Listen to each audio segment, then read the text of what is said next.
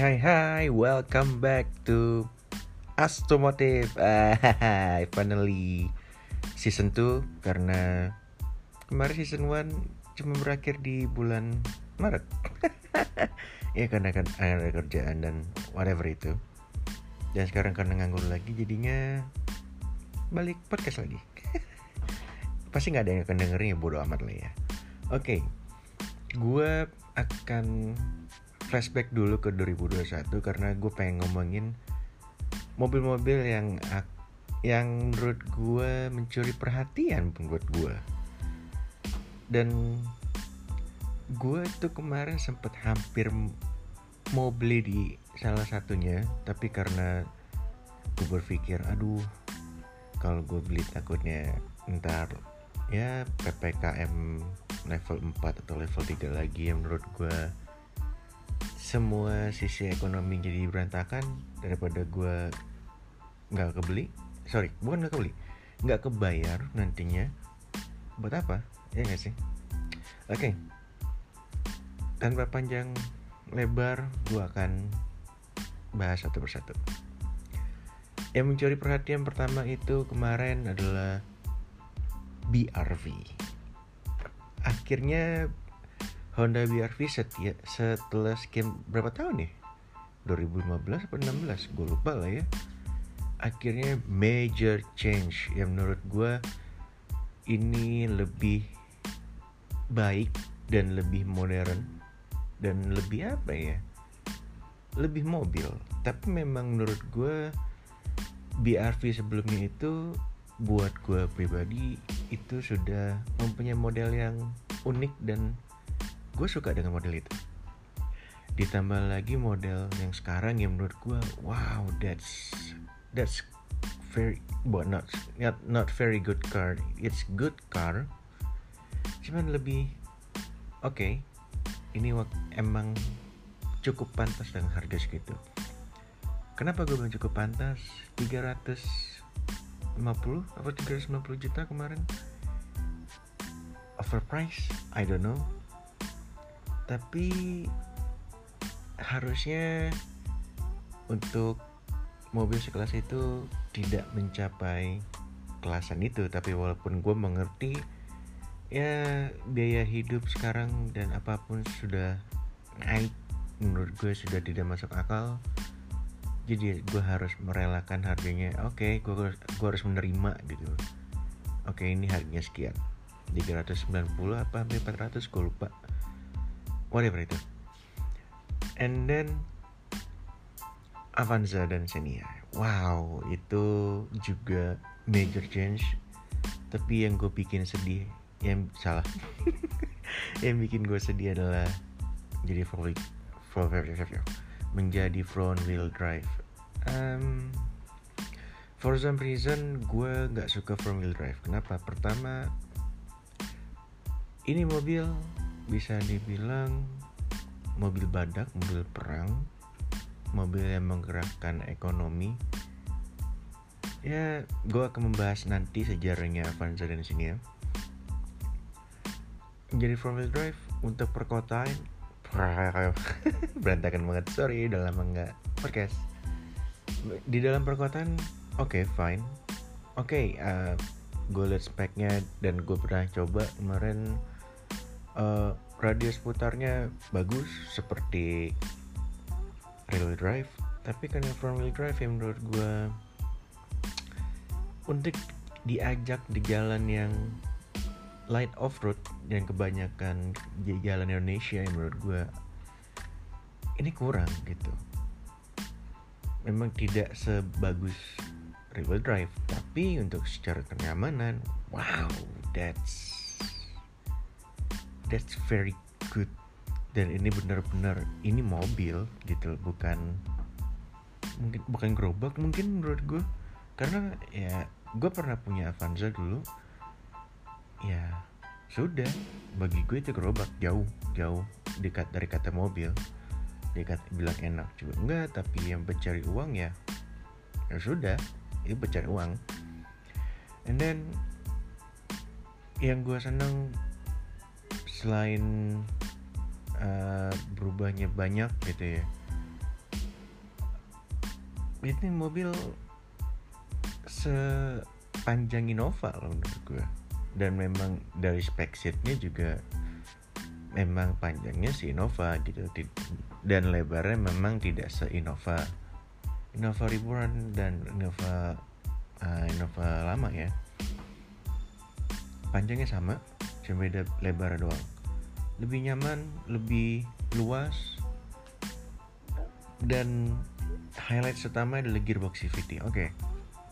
gearbox CVT nya dibilang ini adalah dual CVT which means bukan dual clutch tapi ada dua gear.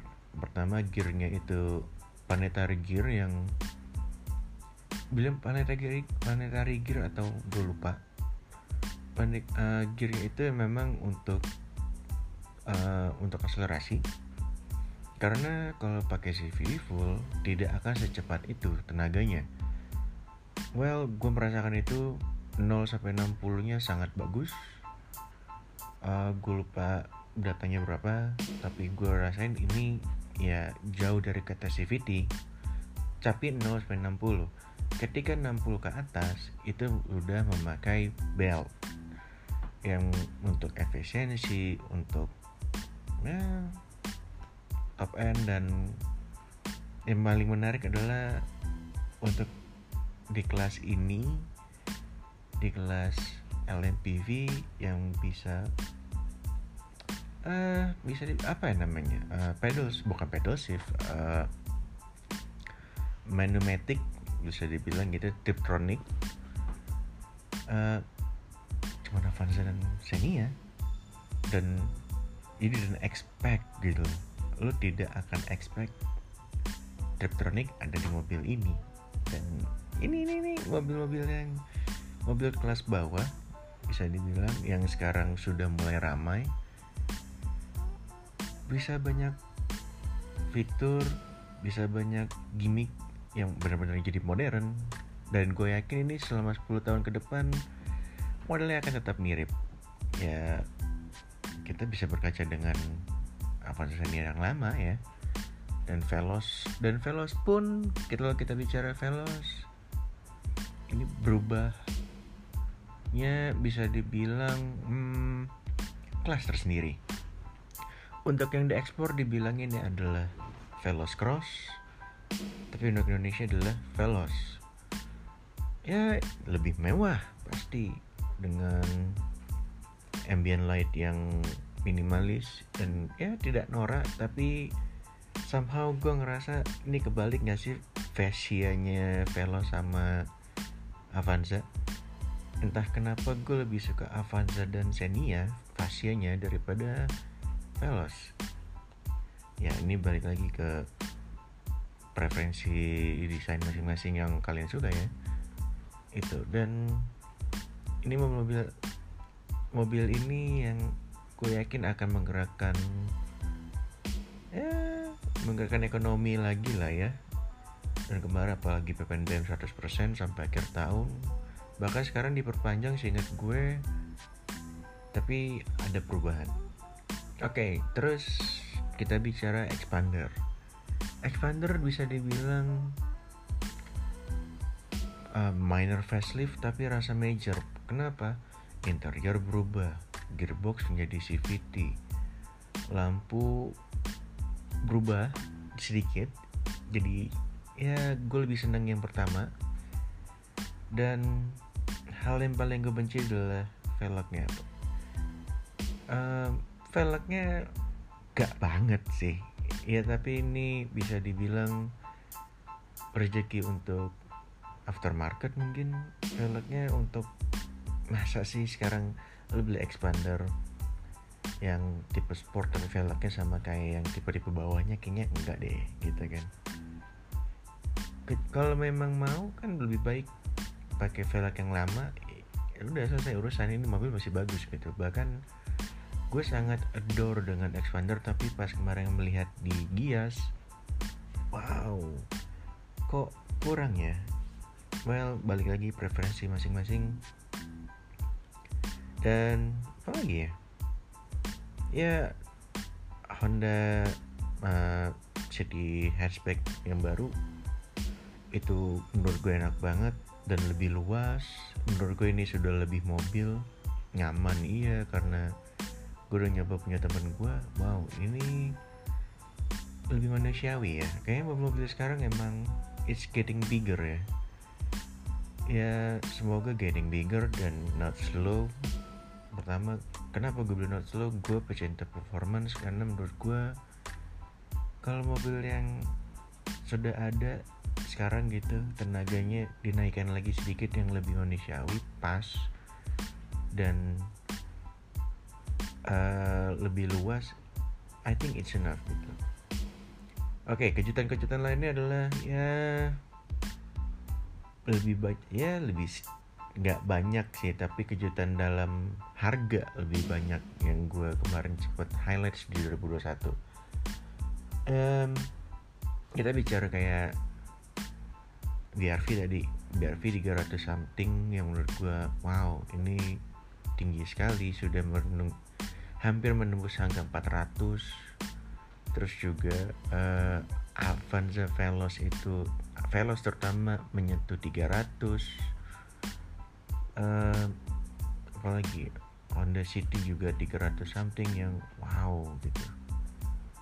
Dan kemarin itu ada harga yang uh, menurut gue balik lagi ini ke mobil Cina. Ini harganya menurut gue manusiawi dan untuk beberapa kantong orang pasti affordable terutama Wuling. Oke, di 2021 kemarin akhir tahun ya gue sempat mendapatkan deal diskon 50 juta. Ya lo bisa dengan tenor 8 tahun. Ada beberapa dealer yang memang menawarkan 8 tahun ada yang cuma 5 tahun. Oke anggap kita ngambil yang 6 tahun ada gitu kan. Diskon 50 juta ini yang ditawarin adalah Cortez padahal pada saat itu gue mencarinya Convero. Dibilang Convero habis oke okay, fine. Cortez tanya-tanya-tanya gue cuma gue hanya cukup membayar sekitar 25 jutaan apa 23 juta gue lupa. Dari total DP 75 juta. Dan sebulan itu sekitar 3,8 itu untuk Cortez tipe C. Sorry Cortez tipe S. Cortez tipe S juga menurut gue tidak apa ya? Tidak buruk lah gitu not bad. Kenapa gue bilang not bad? Ini mobil sekelas Innova lebar panjang nyaman captain seat turbo dan uh, cakram depan belakang. Ya memang ada sunat-sunatan. Pertama nggak bisa retract mirror bukan retract folding mirror sorry. Sunroof nggak ada tapi semuanya menurut gue cukup untuk di harga sekitar 230-an sampai 250-an yang gue bingung adalah beberapa media yang kita kenal ngerilis harga 230 juta tapi di dealer harganya 250 juta. Gue tidak tahu kenapa tapi mungkin ini karena ada hitungan-hitungan tersendiri dan nego-nego tersendiri nantinya. Well gue sempat ingin ngambil tapi gue sempat ngulik mbak Wuling Victory kapan keluar? Gue sempat dirumorkan adalah tahun ini. Dan gue sempat dengar lagi rumornya kalau tidak kalau tidak salah harusnya di pertengahan tahun. Wuling Victory tahun ini akan keluar mungkin kita tidak tahu karena bagi gue Cortez dan Converse sudah outdated outdated dalam tanda kutip gitu kan. Tidak bisa keep up dengan Jepang untuk sekarang ini. Harusnya Wuling bisa keluarin itu. Pertama karena untuk menemani, menemani Almas yang modelnya sudah lumayan. Well harusnya Wuling bisa keluarin ini tahun ini. Semoga tidak salah. Kalau salah ya maaf. Ini cuma dapat bocor-bocoran dari kiri kanan yang gak jelas.